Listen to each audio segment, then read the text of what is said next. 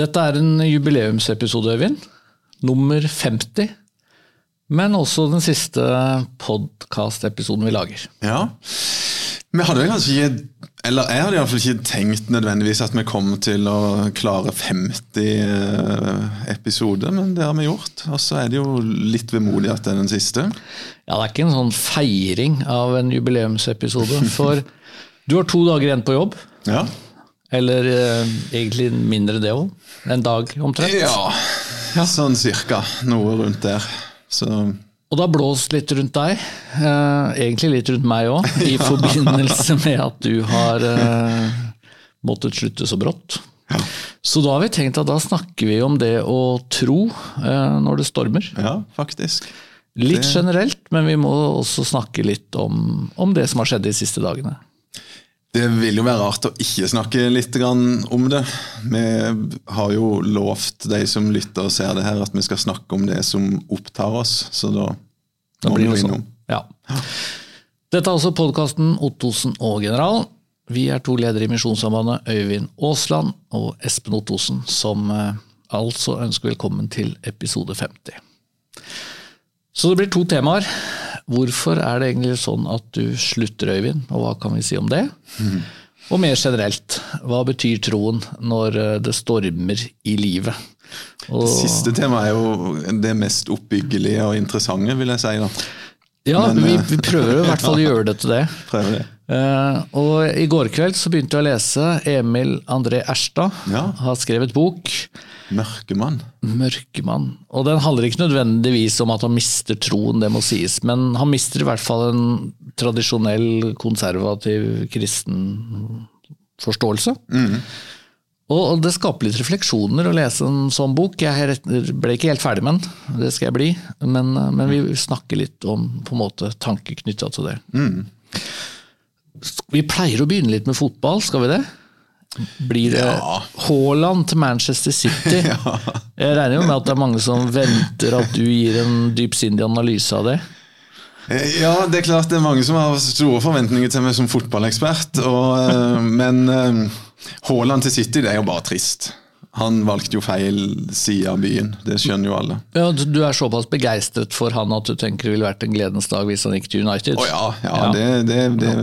Og når Sols, da Solskjær fortsatt var United, så var jo det en reell sjanse, for de hadde jo en connection fra Molde og sånn, så men eh, å velge Manchester United nå, det er det jo ikke mange av de aller beste toppspillerne i verden som gjør. Det har vært et magert år. Så da er det bare å se fram mot neste sesong. Det er sånn det er å være fotballsupporter. Så trøsten med å slutte med podkaster er at eh, du slipper å stadig stå til ansvar for Manchester Uniteds situasjon. Men du, vi må gå til selve saken. Du slutter. Det ble klart 10. mai. Da ble det offentlig. Og så står det at du slutter 15. mai. Det er en litt rar dag å slutte på, for det er en søndag. Ja. Du er jo for så vidt på jobb 24-7 eh, som toppleder og øverste leder, men, men du har liksom siste arbeidsdag i morgen på fredag, og siste dag her på kontoret eh, i, dag. I dag. Så dette er noe av det siste du faktisk gjør. Ja, det blir jo det. Um, og så vet folk, tror jeg som har fulgt litt med, at du har inngått en avtale med hovedstyret. Og der er det noe taushetsbelagte greier. Mystisk avtale. Så, så det er ting du ikke kan på en måte si. Ja, det, det er det. Og, det, og det, det er jo veldig vanlig, ikke minst i lederstillinger, at, eh, at eh, en skriver under sånne avtaler når, når samarbeidet blir vanskelig eller umulig mellom et styre og en daglig leder. så så eh, er det jo alltid daglig leder som må gå, hvis det blir ille nok. Ja, og du, du har sagt offentlig, og det er dere sikkert enige om i en avtale, da, at du kan si at det var samarbeidsproblemet mellom deg og hovedstyret som Ja. fra din side i hvert fall eh, har spilt en stor rolle her. En veldig stor rolle. at eh, Og også er jo Det som er kjedelig, er jo at en ikke kan utdype hva gikk de eh, samarbeidsproblemene ut på. og sånn. Det er det jo mange som ønsker svar på, det skjønner jeg veldig godt. Men, men rammene for den avtalen er sånn at det, det kan jeg ikke snakke om. Og, og det er klart, en, en, sånn avtale det er ikke noen mystiske greier. Det er bare det at vi blir enige om at arbeidsforholdet avsluttes, og betingelsene for det. Og, og så er det jo alltid sånne avtaler konfidensielle, sånn at ingen av partene kan røpe innholdet, og sånn, men bli enige om noen grenser for ytringsfriheten på akkurat det. Men, men det kom veldig brått. Ja. Og, og, det er jo mange som har reagert veldig på det. Og jeg har jo selv sagt at eh, det tolker jeg som et eh, uttrykk for at uh, hovedstyret egentlig ville fjerne deg. Og Det er jo litt ut ifra det du sier nå også, at uh, uh, hvis det blir skjæring mellom hovedstyret, eller øverste styre, og toppleder, mm. så er det jo toppleder som går. Styret sitter. Styret sitter, ja. toppleder går. Sånn ja. er greia. Og så tenker jo jeg, og det er sikkert mange som lurer på også, kunne du ikke liksom fått avslutta litt uh, mer ryddig og greit? Kunne mm. du ikke sitte til september-oktober, eller for denne saks skyld sagt på siste dag på generalforsamlingen at du tenker at nå gir du deg? Mm. Jo da, og det, det, det er jo òg Jeg kan jo ikke si så mye rundt det heller, og kanskje vet jeg ikke svaret på det heller, men, men iallfall så, så, så hadde jo jeg inntil nylig tenkt at uh, jeg skulle være med på generalforsamlinga og eh, få en avslutning i løpet av en måned eller to etter den. Eh, og så, så, ble det ikke sånn, og det, det, kom jo veldig brått på alle. Og det, det, det syns jeg jo er, er, kjedelig, da, for, for det, det, skaper jo litt utfordringer og problemer for noen og, og sånn. Men det sto på nettsidene til Misjonssambandet for få dager siden at du skulle tale på åpningsmøtet på generalforsamlingen. Ja. Hadde du begynt å tenke på hva du skulle tale over? Om? Ja, jeg hadde det.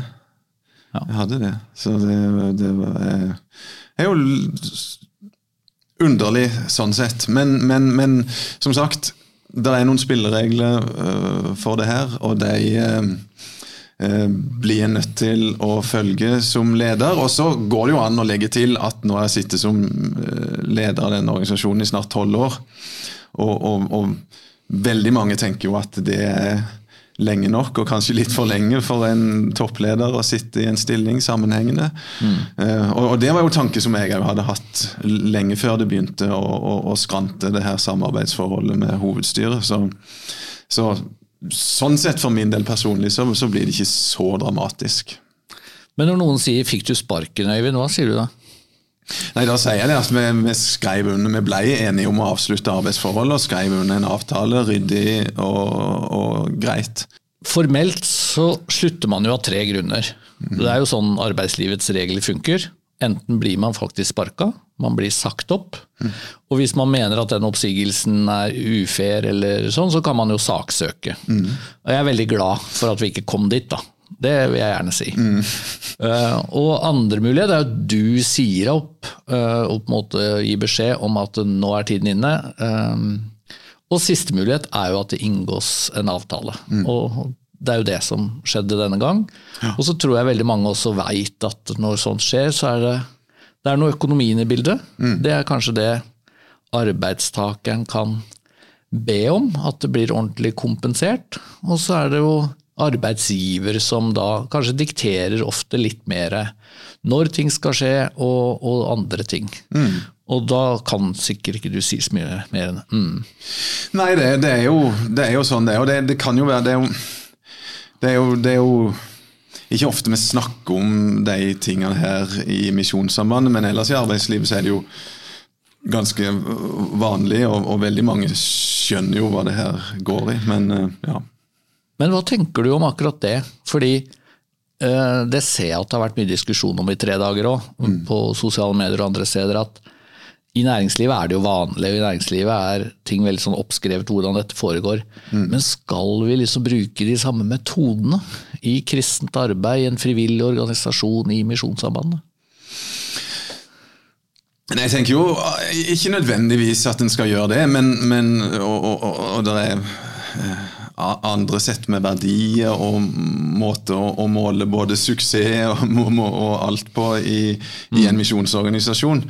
Men, men, det er jo samtidig sånn at vi, vi, lever i Norge og er underlagt de lover og regler, det som vanligvis eh, fungerer ganske greit i arbeidslivet i Norge, og da, da blir det jo sånn hos oss. Du, Vi må innom varslingssaker så vidt. Mm. Det, det, har det vært en del av, og det har vært mye skriverier om den slags. Og det som jeg har undra meg over, da, skulle ikke forundre meg om du undrer deg litt du også, men det er jo at hovedstyret brukte mye penger, mye ressurser. Jeg tror det tok fem måneder. Jeg tror det kosta tre millioner kroner på at en del varslinger ble granska, og det var toppjurister som gjorde den jobben. Mm. Og så ble konklusjonen i august i fjor. Det er eh, ni måneder siden, sånn omtrent. Kanskje litt mindre, til og med. Så kom konklusjonen at de var ferdige, og at eh, det ikke var påvist at du hadde håndtert saker på en dårlig måte. Tvert imot, det var håndtert bra. Eh, sikkert med noen små uh, småting som kunne vært gjort enda bedre, men, men, stort sett veldig bra. Og så sier hovedstyret da at da har du full tillit. Da har jeg lurt litt på hvorfor forsvinner en så tillit så raskt? Når, når man gjorde en så grundig prosess, og den ledet fram til tillit. Mm. Har du fått noen spørsmål om det? Jeg får jo mange spørsmål om det. ja.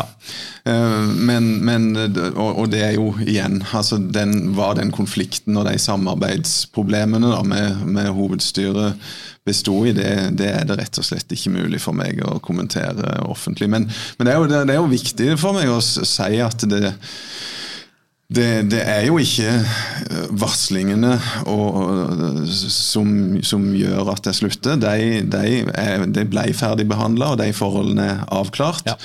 Det har heller ikke kommet noen nye varslinger som jeg har gjort kjent med, som, som gjør at hovedstyret finner Nei, Hadde det kommet noen nye, så skulle jo du fått beskjed om hva det ja. inneholdt, fått en mulighet til å kommentere det, ja. før man da eventuelt konkluderte med at uh, her har du gjort noe ille. Så ja. Det står jo i pressemeldingen, og det eh, var viktig for deg, tror jeg, og, og det skjønner jeg veldig godt, at det står liksom presisert at det ligger ikke noen spesifikke mm. ting bak, ikke noen krenkelser, ikke um, økonomisk mislighold mm. eller alvorlige forhold. Altså det, det, det, er et samarbeidsproblemer som ligger på et annet nivå da, ja. enn en det. det. det. var faktisk ganske viktig for meg. Jeg er glad for at uh, hovedstyret presiserer det i den pressemeldinga. For mm. ofte når en leder går såpass brått, så, ja. så tenker jo folk sitt, og ofte kan det jo stemme at her er det noe økonomisk mislighold. Her er det en eller annen type ja, seksuelle overgrep i, i, verste fall, eller mm, mm. noe sånt som gjør at uh, her må det skje raskt. Men, men, det er jo ikke tilfellet her, heldigvis. Heldigvis. Du har jo skrevet under på noen taushetsgreier som jeg snakker om nå. Det har ikke jeg. Nei, nei. Som du kanskje har oppdaget.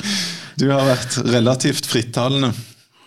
Ja, og jeg har lyst til å si det, da. Eh, at um, det syns jeg har vært veldig vanskelig å vite hvor uh, tydelig jeg kan være, eller hva det er greit å si. Mm. Uh, jeg har fått en del meldinger, uh, litt på sosiale medier, også om at dette er uproft fra min side. Komme med kritikk av hovedstyret. Um, jeg har jo sagt at jeg klarer ikke å tolke det på noe annet vis enn at du er blitt pressa ut. Mm. Og så har jeg ikke sagt, men det kan jeg kanskje si her, da, at jeg, jeg, mener jo at hovedstyret har full anledning til å presse deg ut. Altså sånn, Det anfekter jeg ikke, det prinsipielt har de det. Mm. Men, men, jeg mener at det, det, ser ikke bra ut, og at det er uheldig for organisasjonen. Ja. Så har jeg tenkt at det, det er det lov å Eller det, det det er lov å si det. Jeg, jeg, tror jeg har i hvert fall tenkt at in the heat of the moment altså Vi er jo en del som har stått deg nær, som er opprørt og oppgitt og frustrert. Eh, vi må i hvert fall akkurat når dette skjer, ha anledning til å, å si noe om det. Mm. Og så kan jo jeg si at du er sjefen min fortsatt. Ja. så jeg er jo bare lojal overfor deg. Til og med i dag. Tror jeg kommer langt med den. Er det ja, det, det, det, det selvfølgelig Altså det er jo ingen som er i tvil om at det er styret i organisasjonen som bestemmer, og Nei. som har rett til å avsette daglig leder, ansette ny og alt det der. Og det har jo heller ikke du anfekta. Du har snakka noe om hvordan du opplever måten det skjedde på. Ja. Og, og, og det er klart, det ja, øh, setter jo pris på å forvente at mine medarbeidere er lojale øh, mot meg. Og så går det jo an å si noe om at en er lojal mot øh, eh, ideen og verdiene som Misjonssambandet bygger på, og at du uttaler litt på, om, om sånne ting. Og, og at eh, vi, vi har en organisasjon som skal stå for sunne og gode verdier, og, og, og har en viktig visjon som vi ønsker å oppnå. Sånn, så. Ja, for det, det, det har jeg tenkt en del på de siste dagene, også i lys av kommentarfelt, hvor jeg har vært lite aktiv. Ja. Til, det, det, det tror jeg du setter litt pris på, for når det blåser litt, så er vel det et veldig godt råd å ikke skrive noe i affekt på Facebook. Alt, ikke altfor mye, iallfall. Nei. Men, men i hvert fall så har jeg tenkt at uh, jeg kommer jo i en skvis. Jeg ønsker å være lojal mot deg.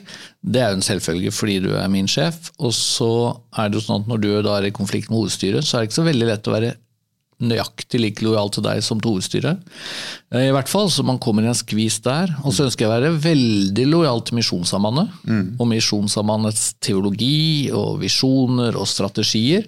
Det tror jeg det er ingen som vil si at, at jeg har hatt noe problem med de siste dagene, tross alt. Um, og så ønsker jeg å være selvfølgelig lojal mot Gud og mot sånn troen sånn grunnleggende sett, og helt all, veldig sentrale verdier i troen. Um, og, og så har jeg på en måte tenkt at her, her er det litt vanskelig å, å navigere da, i, i dette. Men, men jeg har i hvert fall lyst til å si til de som kanskje hører eller ser på dette, at eh, hvis du mener at eh, jeg var, har vært uproff, helt greit. Det, det, jeg skjønner det når jeg tar det. Nei, men det, men det er klart, det Det som har skjedd i, i det siste, og, og den situasjonen som hovedstyret jeg har vært i, og sånn, det er jo ikke lett for noen av oss. Nei. Og det er ikke lett for noen av oss å, å vite helt hvordan en skal oppføre seg, eller hva som er greit å si og ikke, og sånn. Så, så det er klart at en, en krevende situasjon Og har helt, vært, og er helt det. ekstraordinær. Ja. For, eh, for det er jo litt det som også ligger bak mitt engasjement òg, at det at noen i Misjonssambandet går på dagen, som du omtrent gjør, da, det skjer egentlig bare når man har gjort noe veldig veldig, veldig alvorlig. Og da har jeg liksom tenkt at jeg skal i hvert fall prøve å få sagt at det er ikke det. Her, her har på en måte hovedstyret eh, likevel valgt en løsning som ser brutal ut, i hvert fall, sånn fra utsiden. Og, og, og det syns jeg var problematisk. Men du, til noe på et vis hyggeligere. Um, Du skal ut på tur. Du reiser rett og slett fra landet. Ja, nå fant jeg ut at eh, Eller vi fant ut i fellesskap, Reidun, kona mi og meg, at det var fint å ta en tur. Og jeg tenkte at jeg skulle komme til Gardermoen og liksom ta et siste bilde på vei opp flytrappa. sånn. Men du kommer tilbake da, ikke så lenge. Ja det, det blir noen uker for å få litt grann ro og fred. Og kona di skal jobbe. Ja, du iallfall delvis. Ja, Hun må ha med seg jobben ja, mens jeg suser rundt og Drikke kaffe på fortauskafeer. Ja. Det er det som er planen. Det er det som er planen. Ja. Men det har også kommet fram da, at uh, du kommer ikke på generalforsamlingen. Nei. Nei, det ville sett veldig rart ut. Det, det, er, det er veldig mange i det siste, og tusen takk til alle som inviterer meg til, til generalforsamlinga og sier at de skal ta godt imot meg. og det, og jeg, jeg tviler ikke på at det kunne blitt trivelig og greit, men sånn rent eh, skal vi si konstitusjonelt, Ja, det er så er det litt rart at jeg stiller opp der. Og ja, og, ja det, det, det er ikke noe særlig eh, smart, tror jeg. Klokt. Så Men du sier du har fått mange oppfordringer, og du har fått ganske mye tilbakemeldinger på, på avgangen. Den brå Ja, da, avgangen. ja, det er voldsomt. Det, det tikker inn hele tida med, med gode, oppmuntrende øh, meldinger som jeg virkelig setter pris på. Det gjør jeg. Og mange har sagt, eh, også til meg, eh, jeg har helt sikkert fått mye mindre tilbakemeldinger enn deg, men jeg har fått en del som vi tenker på dere, vi ber for dere. Mm. og da har jeg også lyst til å si at da jeg stort sett pleide å svare tilbake at veldig takknemlig for forbund, men også liksom understreke be for oss, be for ledergruppa, be for Øyvind, be også for hovedstyret. Altså, vi må jo finne en vei sammen Finne en vei sammen. eh, etter hvert. Men du skal altså ikke på GF, Nei. men du skal på UL? Ja, du, jeg fant ut Nå fikk jeg jo noen dager fri i den rundt eh, slutten av juni. Så da meldte jeg ifra til Hans Christian Skaar, leder i Misjonssambandet Ung, at jeg stiller meg til disposisjon. Så får vi se om han kan bruke meg til noe. Frivillig på UL? Ja, Ja. Så, så da blir det enten å selge mat i ei kasse, eller kanskje noe forbønnstjeneste, eller hva vet jeg. han får disponere meg nesten helt fritt. Jeg har lagt inn et forbehold om at jeg kan svare nei hvis jeg syns det blir for vanskelig, eller ja. Hmm. Men det ser jeg fram til. Jeg, jeg, jeg syns jo det er fantastisk trivelig å være sammen med unge mennesker. Eh, Og, og, og det har blitt viktigere og viktigere for meg. Jo gamlere du blir. Ja, det, det er vel litt sånn. Ja. Men det, det gir mening og inspirasjon og glede. Mm. Så det ser jeg veldig fram til. Men du, hvis vi går over til hovedtemaet, selv om det er er ikke sikkert vi bruker like lang tid på det som denne småpraten som det står i manuset vårt at vi har drevet med nå. Um, å tro når det stormer, og å holde fast på troen i en litt sånn turbulent tid. Hva skjer med troen hva, Har det skjedd noe med troen din i, i disse, den konfliktsituasjonen eller disse samarbeidsproblemene du har vært oppi? Fordi det er noen som f.eks. har skrevet, også i sosiale medier, at det er, det er nesten anfektende. At, eh, og det går liksom på troen løs, at ikke kristne mennesker kan ja, håndtere konflikter, samarbeidsproblemer, på en sånn måte at det ikke det ender sånn, liksom, som det gjør nå. Jeg vet, jeg vet ikke om det har skjedd noe med trua mi. Det, det er sikkert litt for tidlig å, å si noe om. Men, men for meg så er det jo sånn at det, det dreier seg iallfall ikke så veldig mye om å holde fast i trua, men på en måte å bli holdt fast. da. Ja. Det, det syns jeg er et veldig fint eh, perspektiv på det. Og, og jeg, jeg, jeg, ikke, jeg blir ikke noe sånn spesielt åndelig når jeg har det vanskelig eller tungt. eller sånn. Eh, Vi blir ikke mer åndelig og ber ikke mer enn før, kanskje av og til tvert imot. Men da syns jeg det er fint å ha en sånn teologi som sier at det trua det dreier seg ikke om hvor mye jeg tror, eller kvaliteten ved min tro, men, men kvaliteten ved han som trua mi retter seg mot og er festa på, nemlig Jesus. Og, og der er det trofasthet, og der er det en som holder fast. Ja. Og, og jeg tror faktisk det er et ganske viktig poeng at hvis eh, troen vår er veldig knytta til tanken om at det kristne fellesskapet, kirken eh, med stor K, eh, skal være et sted hvor eh, hvor bare harmoni råder, da, og hvor for noen også det er der det er vekst, det er der det er vekkelse, det er der på en måte alt går på skinner, fordi at vi er jo på lag med Gud. Hvis det blir en dominerende tanke, så klapper jo troen raskere sammen Ja, enn hvis man f.eks. tror som ofte litt sånn eh, lavkirkelige, konservative lutheranere som oss, som har litt mer sånn eh, tanke om at ja, men uansett hvor kristne vi er, uansett hvor fromme vi er, vi er jo først og fremst syndige, kranglevorne mennesker som eh, roter det til. Roter det til. Men det er, men altså det er ett unntak, og det er Jesus. Eh, og, og det er på en måte han vi trenger. og Kanskje kan man også få sagt noe om at nettopp når man ser da, det som har utspilt seg i denne organisasjonen, og som vi også må ta vårt ansvar for, selvfølgelig, som ikke er på en måte oppbyggelig, så kan man jo vri på det og si at det er i hvert fall en påminnelse om at nådens betydning, og nådens viktighet, den klarer vi oss ikke uten. Og det, det, det, det er noe viktig, men det er jo mange som tenker på de kristne og, som, som idylliske og alt er fint. Og, og det er klart Det er fint hvis det er det.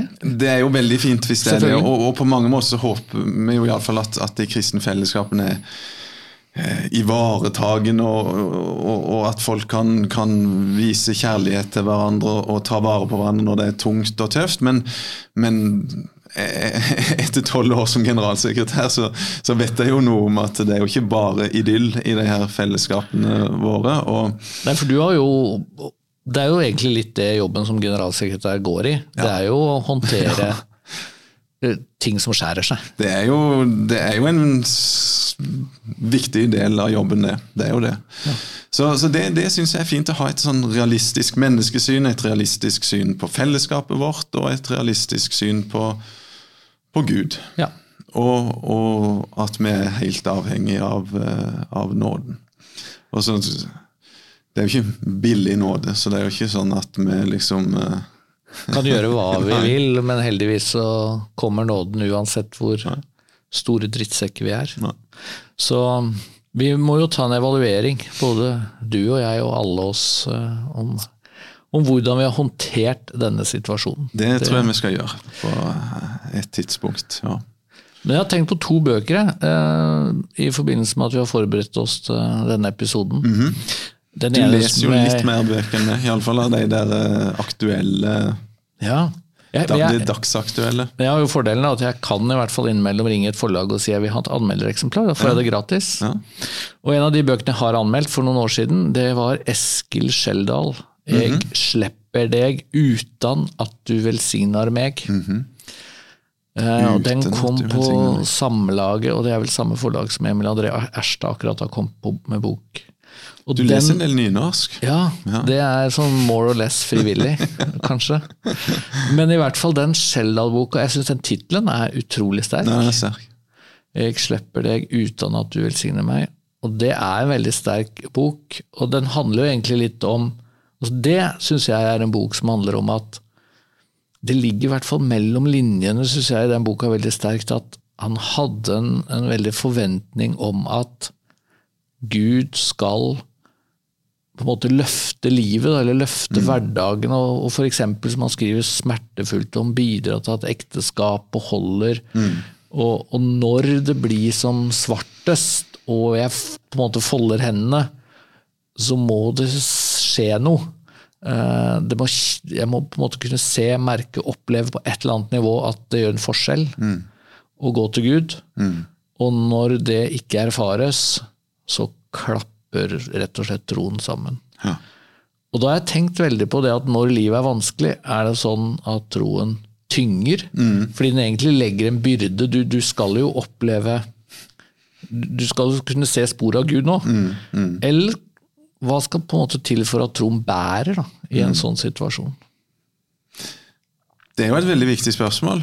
Og det, det, det Jeg tenker jo at Jeg tror kanskje det er litt for mange som lever med en eller annen slags um, tanke om at, at trua er noe som begrenser oss, eller, men, men det, det, er jo tross alt sikkert viktig eller sant, men, men den legger noen begrensninger og, og blir kanskje mer en, en, en byrde enn en noe som, som, gir livsgleder og som, som bærer da, i livet. Eh, vi, vi, uttaler jo ikke om noen av de her forfatterne. De hadde. Folk kan jo lese og, og, og se sjøl hva de skriver. Men sånn, min opplevelse er at det, det kanskje er litt for mange som eh, som har trua med seg som en sånn bagasje som kan være litt tung. Mm. Og, og, og, og, da blir det jo helt feil. altså Hvis ikke du kan, eh, som jeg har sagt mange ganger nå, hvile i trua og kjenne at du blir båret. Mm. Og, hvordan kjenner du det? Det, det, er jo, det, er jo, litt sånn diffuse greier. Jeg tenker på, jeg, takker mange nå for forbønn og sånn. Ja. Det, tusenvis av mennesker i Norge og, og rundt omkring i verden som, som, ber for meg i dag. Jeg er utrolig takknemlig for det. Også. Og så har jeg av og til sagt at ja, jeg, jeg merker at det er mange som ber for meg. Og så, og så, må jeg av og til spørre meg selv er, er, det, er det sant. Kan, ja, kan en, ikke sant? Er det bare en frase? Det... Ja, og Hvis jeg sier kan du ikke beskrive hvordan du merker det, ja, så er ikke det så lett. Det er jo ikke så lett. Nei. Men jeg tror kanskje at i, i, Nå skal jeg ikke overdrive hvor vanskelig jeg har hatt i det siste, det er jo ikke det, men, men, men at det har gått an å sove rimelig godt uh, de fleste netter, og, mm. og, at jeg har det ganske greit sammen med kona mi. Og, det går jo an å tenke, se på sånne ting som, som en type bønnesvar, og et, uh, noe som er et resultat av at det er mange som, som ber. Og så tror jeg du peker på noe veldig interessant, fordi jeg har av og til møtt mennesker som sier at de egentlig mister troen, eller i hvert fall syns det blir fryktelig vanskelig å tro, fordi de vil være helt sikre mm. på at de opplever et eller annet mm. tegn på at Gud griper inn, eller Gud bærer, eller Gud kommer nær. Mm. Og jeg tror at livet er sånn. Altså vi må bare forsone oss med at livet er et ganske tvetydig størrelse. Ja. Um, jeg har jo fortalt før så vidt i denne podkasten og andre sammenhenger om, om, en sønn som ble veldig alvorlig syk av kreft, mm. og han er heldigvis frisk. Det husker jeg veldig godt. Ja. Og han er blitt frisk. Han fikk forbønn, han fikk cellegift. Um, jeg håper, tror, tenker at bønn hadde betydning. Mm. Men hvis noen tvinger meg til å, å liksom bevise det, mm det, det, jeg, jeg, kan jo ikke det. Så det er noe med Hviler du i troen på at uh, Gud går med oss, uten at vi nødvendigvis kan liksom identifisere at det var akkurat der, da, sånn det skjedde? Jeg tror det er viktig. Og vi tenker jo heller ikke at uh Gud gir en eller annen form for en spesialbeskyttelse. At, at, liksom livet skal gå smooth, som ungdommen sier. Alltid fordi du tror, ikke sant? Nei, og jeg har tenkt mye på hva hvis han ikke hadde blitt frisk. Mm. Um, jeg husker jeg snakka med han når ting var som mørkest. Han er en ganske moden mann med en ganske moden tro. Og da husker jeg eh, han sa et eller annet i retning av at ja, men da går det jo bra til slutt uansett. Mm.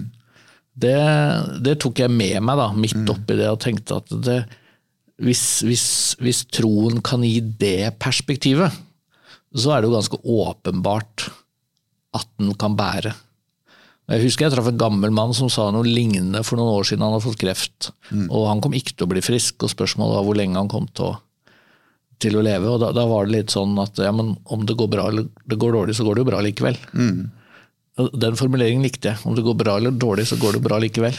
Eh, det, er et eller annet der som jeg tror Men det krever jo at man da løfter blikket og tenker at noe av det mest sentrale i troen kanskje er evighetshåp, da, og ikke mm. nødvendigvis eh, enklere hverdag. Og det er jo, Vi har jo flere ganger i de her podkastene våre vært innom de forfulgte kristne. Ja. Og hvordan skal en forfulgt kristen som ser at Eh, ja, kanskje venner og familie i første omgang forlater han, og så blir han mm, overlatt til seg sjøl, eller har kanskje en eller annen form for fellesskap, men det, det, det er mm. forfulgt. Det, han ser venner miste livet for trua si. Han vet mm. at eller hun, at det kan være stor sjanse for at det samme skjer med meg.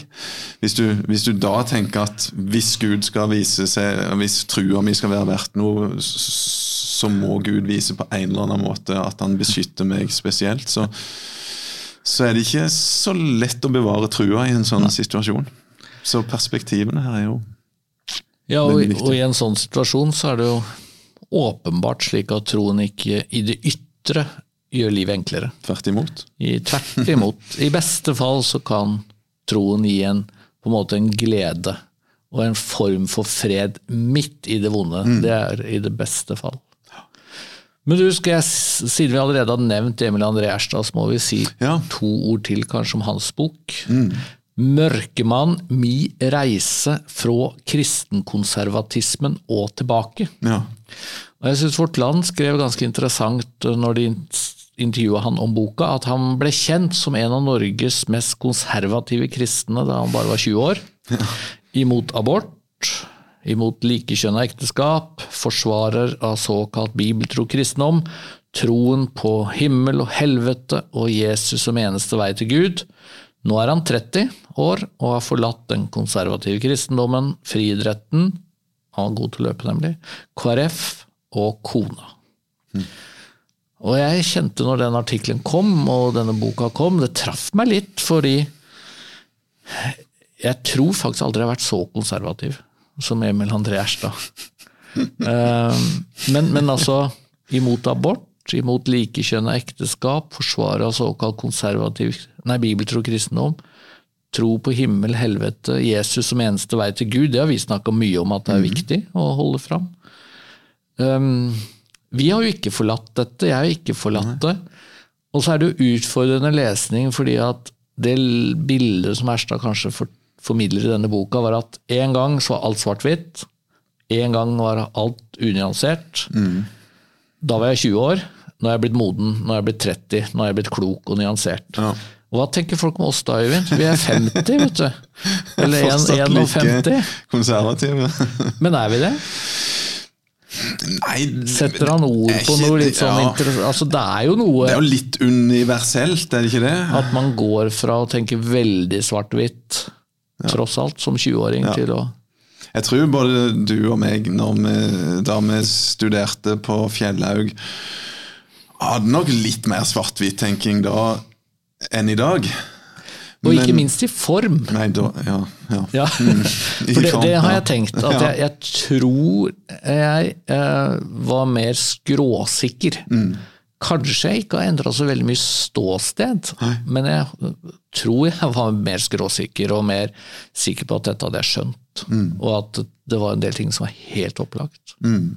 Ja, det, det er jo sånn som veldig mange opplever. Og eh, det som bekymrer litt, det er at det ofte så blir sånne, sånne framstillinger som det her liksom eh, Ja, hvis du skal bli en nyansert og moden person, Ja.